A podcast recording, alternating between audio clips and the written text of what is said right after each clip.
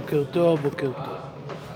אז ככה, אנחנו בשיעור שעבר עסקנו בשטן.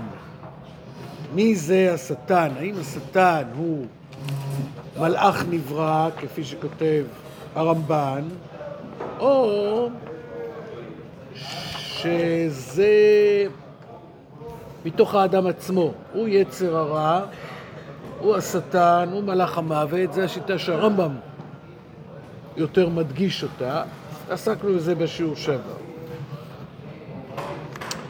היום אני רוצה לעסוק בשטן כסנגורו של אברהם אבינו. הצדיק הזה, השטן, הופך להיות סנגור של אברהם אבינו.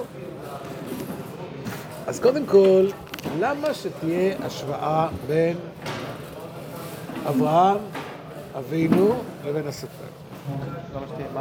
למה שתהיה השוואה? זאת אומרת, עוד מעט אנחנו נראה.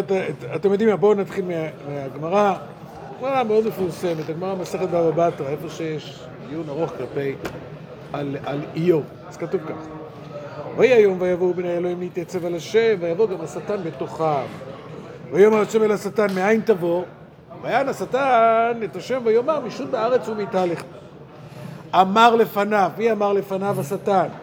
ריבונו של עולם, שטתי בכל העולם כולו, ולא מצאתי נאמן כי עבדך אברהם, שאמרת לו, קום מתהלך בארץ, לא ארוכה ולא כי לך לא את? נהנה. ככה, את כל זה אומר השטן. ואפילו אחי בשעה שלא מצא מקום לגמור את צרת, שקנה בה 400 שקל כסף, לא ערער אחר מידותיך. מי אומר את כל האמירה המדהימה הזאת? השטן. ויאמר השם אל השטן, השמת לבך על עבדי איוב כי אין כמוהו בארץ איש תם וישר ויראה אלוהים ושר מרע? מה זה הדרשה הזאת? מה פתאום שהשטן ילמד זכות על אברהם? אבל אני רוצה לשאול שאלה מקדימה. מה הקשר בין אברהם לבין השטן? לכאורה הם באותו דור. כן, לכאורה הם באותו דור, וגם יש את בעקדת יצחק. כל הסיפור עם השטן שמכשיר... עוד מעט נגיע לעקדת יצחק. אפשר להגיד גם שהם מאותה משפחה. זאת אומרת, אה, על הרעים אמרו שהם אותה משפחה ממשפחת רם, כתוב על אליהו בן ברחל, אה, יש קשר משפחתי, אה, דיברנו אם איוב היה מישראל, הוא לא היה מישראל, אז הנה ילדה מילכה גם היא, בנים לנחור אחיך, את עוץ בכורו ואת בוז אחיו, כל, כל אלה שמות שמאוד מתקשרים למשפחת אברהם אבינו, אבל כמובן שהנושא המרכזי זה הניסיון. ועל זה אומרים חז"ל, משנה מסכת אבות, עשרה ניסיונות נתנסה אברהם אבינו עליו השלום, ועמד בכולם להודיע כמה חיבתו של אברהם אבינו עליו השלום. הוא היה יכול לא לעמוד בהם? מה? הוא היה יכול לא לעמוד בהם? ודאי שהוא יכול לא לעמוד בהם. איוב יוכיח. בפסיקתא כתוב ככה: אמר רבי חנינא בר פפא, אילו לא קרא תיגר, כשם שאומרים עכשיו אלוהי אברהם, אלוהי יצחק ואלוהי יעקב, כך היו אומרים אלוהי איוב. כיוון שהגיעו אותו ייסורים, התחיל לבית ואומר, מי ידעת, מי ייתן ידעתי ואמצאהו. אז מה אומר פה רבי חנינא בר פפא? למה לא אומרים אלוהי איוב, כמו שאומרים אלוהי אברהם, אלוהי יצחק ואלוהי יעקב, למה לא אומרים אלוהי איוב? כי, הוא ביעט. כי הוא בעט, ביעט, הוא בעט. עשרה ניסיונות נתנסה אברהם אבינו. מה לא ראינו אצל אברהם בשונה מאיוב? איסורים, היו המון איסורים.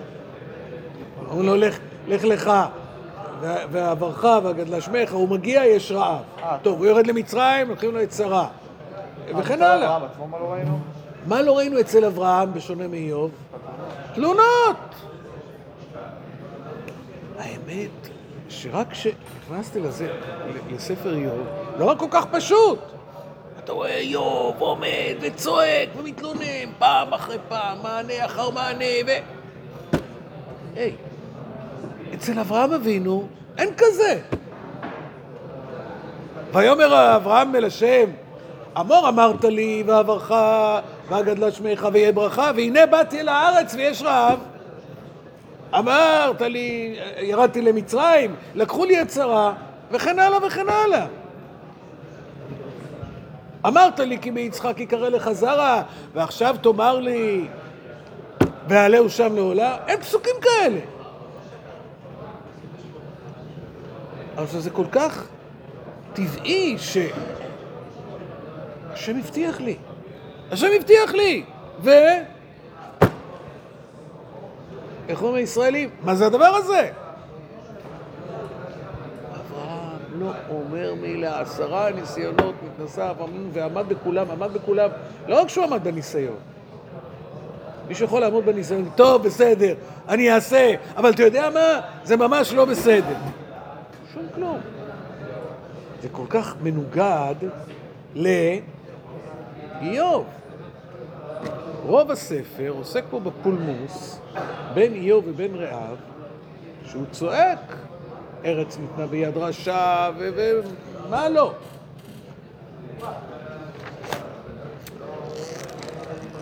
אז איך השטן הופך להיות סנגורו של אברהם?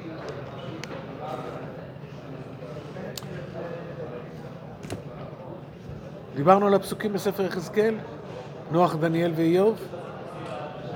זאת אומרת, אמרנו שנוח ואיוב, דניאל אנחנו פחות אבל נוח ואיוב הם בוודאי סוג של צדיקים שדואגים לעצמם.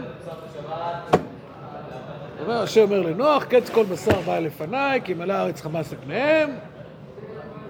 ויאמר נוח, אולי יש חמישים צדיקים, אה, לא, לא, לא, זה לא נוח, זה אברהם. זאת אומרת, אין! מה, מה? נוח, ויעש נוח ככל אשר ציווה אותו אלוהים כן עשה.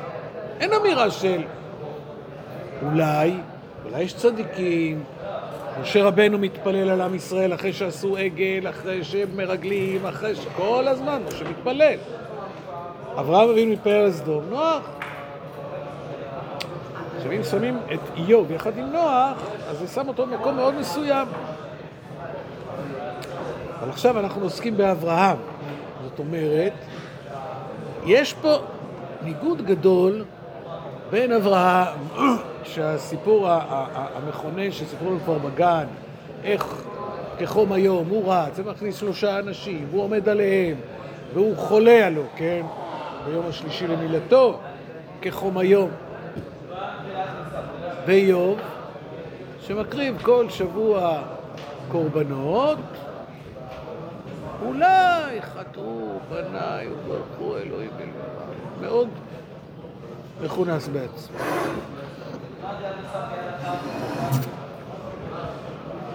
אז יש למישהו מכם רעיון,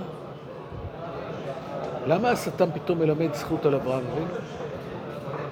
רק בשביל להשוות לאיוב.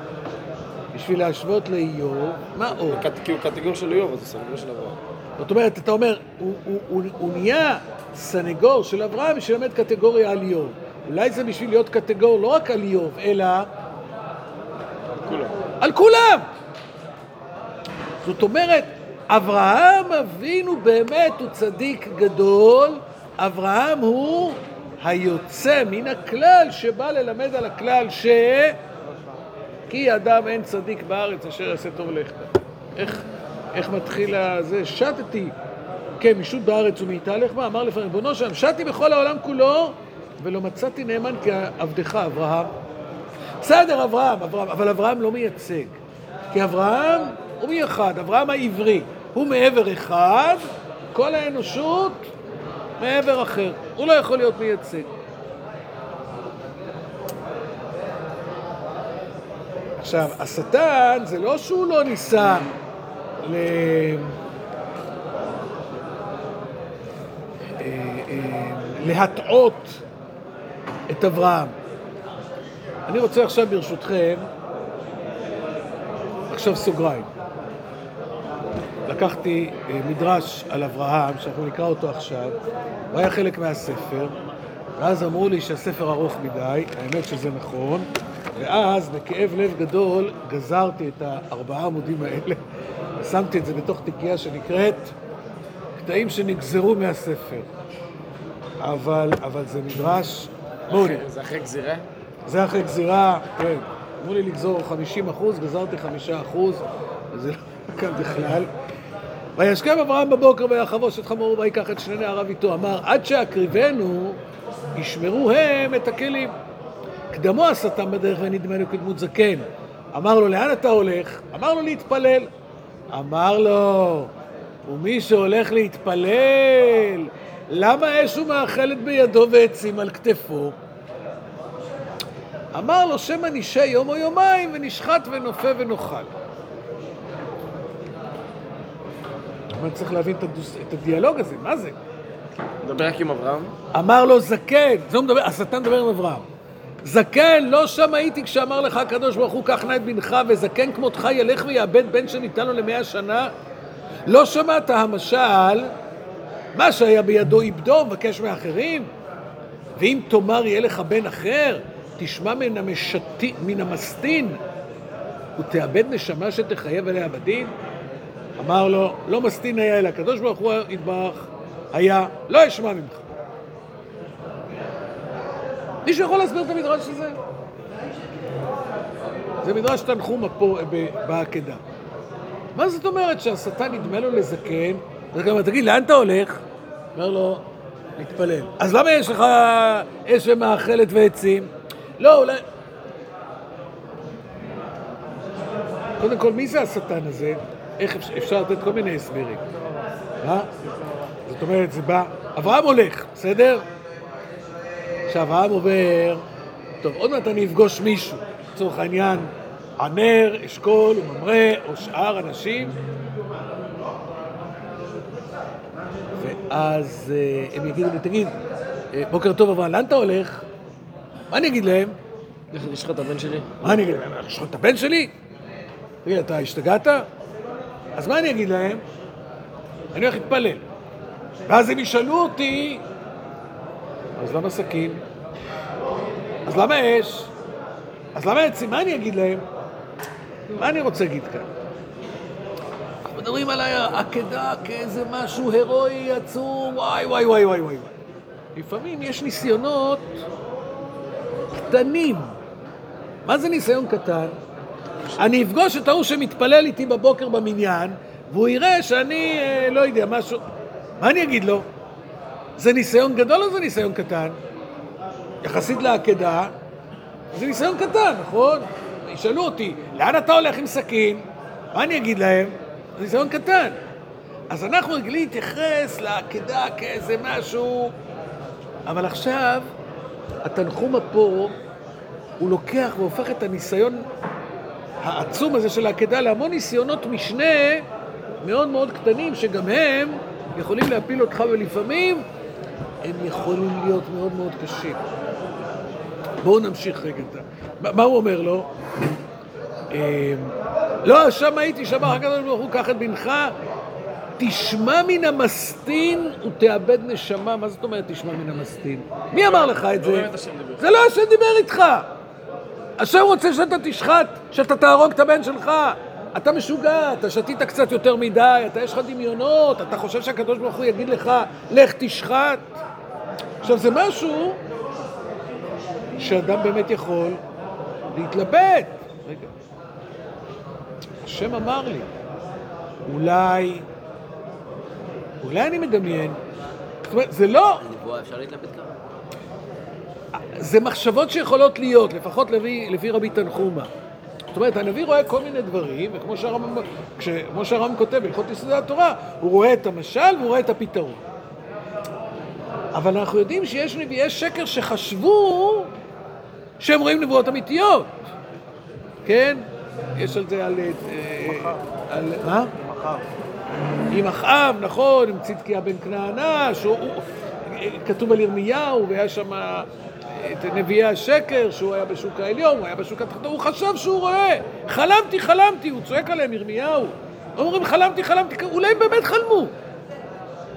יש מישהו שממציא את הכל. יש מישהו שמאמין שבאמת זה מה שהוא ראה. הלך מעליו השטן, ונדמה לבחור, ועמד על ימינו של יצחק. אמר לו, לאן אתה הולך? אמר לו, ללמוד תורה. אמר לו, בחייך או במיתתך? אמר לו, וכי יש אדם שילמד אחר מיתה? אמר לו, עלוב בר עלובה. כמה תעניות נתענית עמך עד שלא נולדת, והזקן הוא השתתה והוא הולך לשוחטך. אמר, אף על פי כן לא אעבור על דעת יוצרי ועל ציווי אבי. חזר ואמר לאביו, אבי, מה זה אומר לי? אמר לו, אל תשגיח עליו, שאינו בא אלא לייעף לנו. זאת אומרת, אברהם, יש לו גם מערכת יחסים עם יצחק. ויאמר אבי, מה זאת אומרת ויאמר אבי? אתה זוכר ש... שאתה אבא שלי? איך אבא מתנהג כלפי הילד שלו? ביום השלישי, וכי מאחר שהדרך קרובה, למה נתעכב שלושת ימים? כיוון שראה שלא קיבלו ממנו, הלך ונעשה לפניהם נהר גדול. ירד אברהם, ירד אברהם לתוך המים, והגיע עד ברכיו. אמר לנעריו, בואו אחריי, ירדו אחריו. כיוון שהגיע עד חצי הנהר, הגיעו המים עד צווארו. באותה שעה תלה אברהם עיניו לשמיים, אמר לפניו, ריבונו של עולם, בחרתני, ונגלית לי, ואמרת לי, אני יחיד ואתה יחיד, על ידך, אברהם, יוודע שמי בעולמי.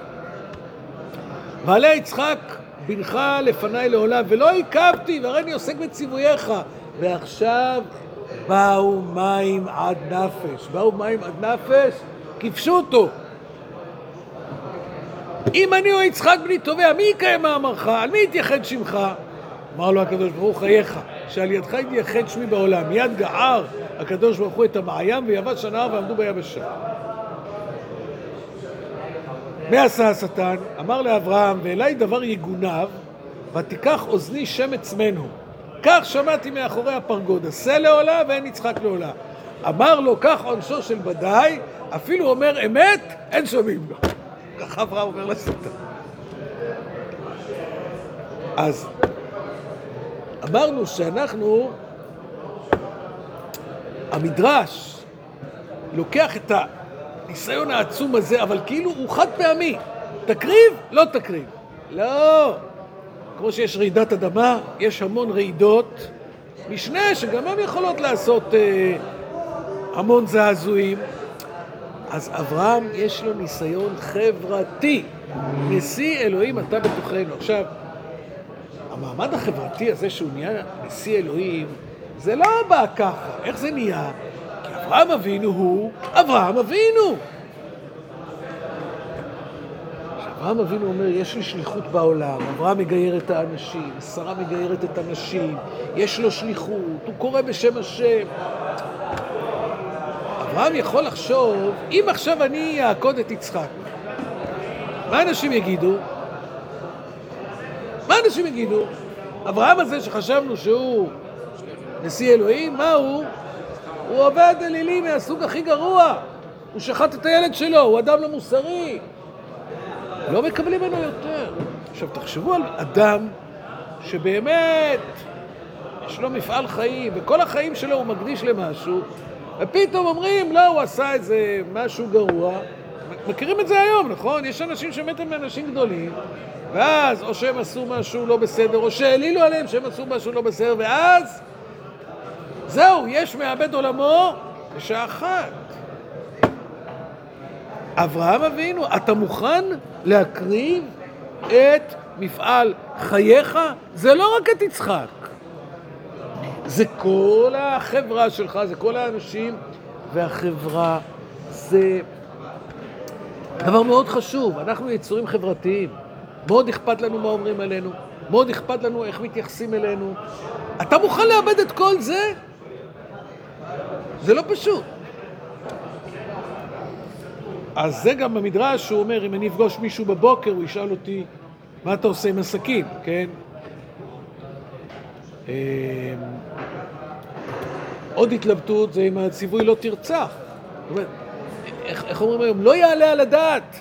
לא יעלה על הדעת שהקדוש ברוך הוא, שבשבע מצוות בני נוח ציווה על שפיכות דמים, הוא יגיד לך ללכת להרוג?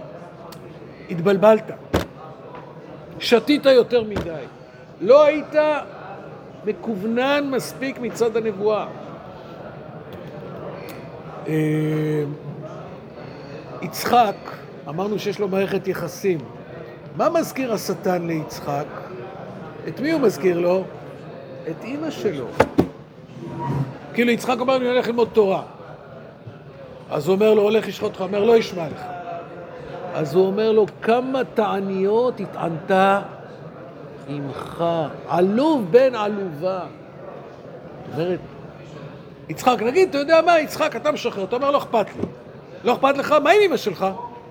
עכשיו, אנחנו יודעים גם שהמדרש, שקושר והיו חיי שרה, כי בשטן אמר לה, אברהם לקח את יצחק, ו, ו, ו, היא לא מספיקה לשמוע, ו...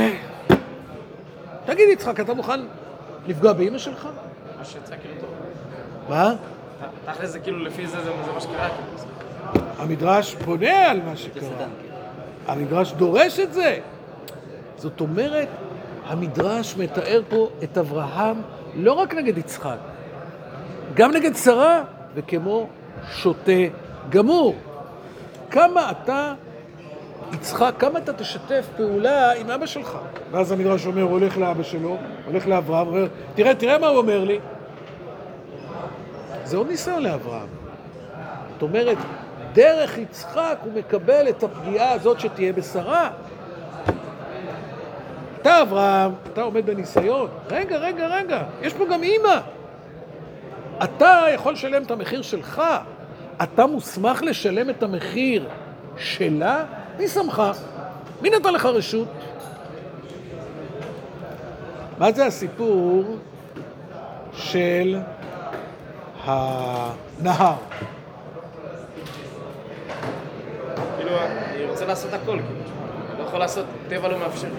אם אנחנו אומרים שה... או, הטבע לא מאפשר, זאת אומרת, אם אנחנו אומרים שהשטן זה המחשבות של אברהם, אז פתאום השטן נהיה כמו נהר. מה זאת אומרת? כאילו המחשבות שלו כבר אה, עוברות לא, עליו. אני רוצה, מאה אחוז. המחשבות גוברות, אז מה זה הנהר?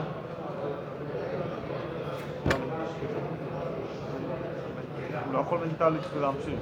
אני לא יכול מנטלית להמשיך. אני חושב שזה, לפעמים, סיפרו לי פעם על איזה רב שמישהו רצה להחתים אותו על איזה משהו, והוא לא הסכים. הוא רצה להחתים אותו על משהו והוא לא הסכים. ואז בסוף הוא הסכים, ואז הביאו עט, והעט לא כתב.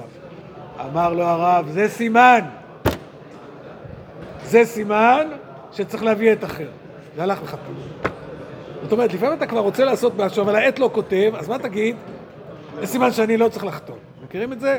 אתה רוצה ללכת לבקר איזה מישהו, אתה בא, אוי, יש פאנצ'ר באוטו. טוב, ריבונו של עולם, הוא חולה, רציתי לבקר אותו, אבל יש פאנצ'ר, אז סימן שאני לא צריך לבקר אותו. אומרת, הם הולכים שלושה ימים, הוא קצת מזיע, קצת עייפים, כן? מכירים? כמה קילומטר הלכנו, כמה עוד נשאר, איפה יש קיוסק, וכן על זה הדרך. אז אברהם יכול להגיד, "אה, תשמע, יש פה חם לי, קר לי, נהר לי, כל מיני כזה. לפעמים דברים שאין דברים. זוכרים את הסיפור על יוסף שמוכרים אותו למצרים? אז כתוב שהגמלים נוסעים נכות, ולות, כן? למה המ- המקרא מספר לנו מה נושאים הגמלים? מה אומר רש"י? שבדרך כלל הישמעאלים לוקחים דברים מסריחים כמו נפט, אבל שלא יריח אותו צדיק ריח רע, אז... אז הגמלים לקחו בסמים, אתם מבינים? מוכרים אותו לעבד, הולכים להוריד אותו מצרימה. אה, אה, אבל אחי, אה, יש לך מה להסניף על הדרך, אה, איזה חיים טובים. תגיד, מה? מישהו יכול להסביר לי את המדרש הזה? המשמעות של זה? לפעמים זה הדברים הקטנים. מוכרים אותך לעבד, אבל מישהו נתן לך מסטיק על הדרך. וואלה, חיים טובים.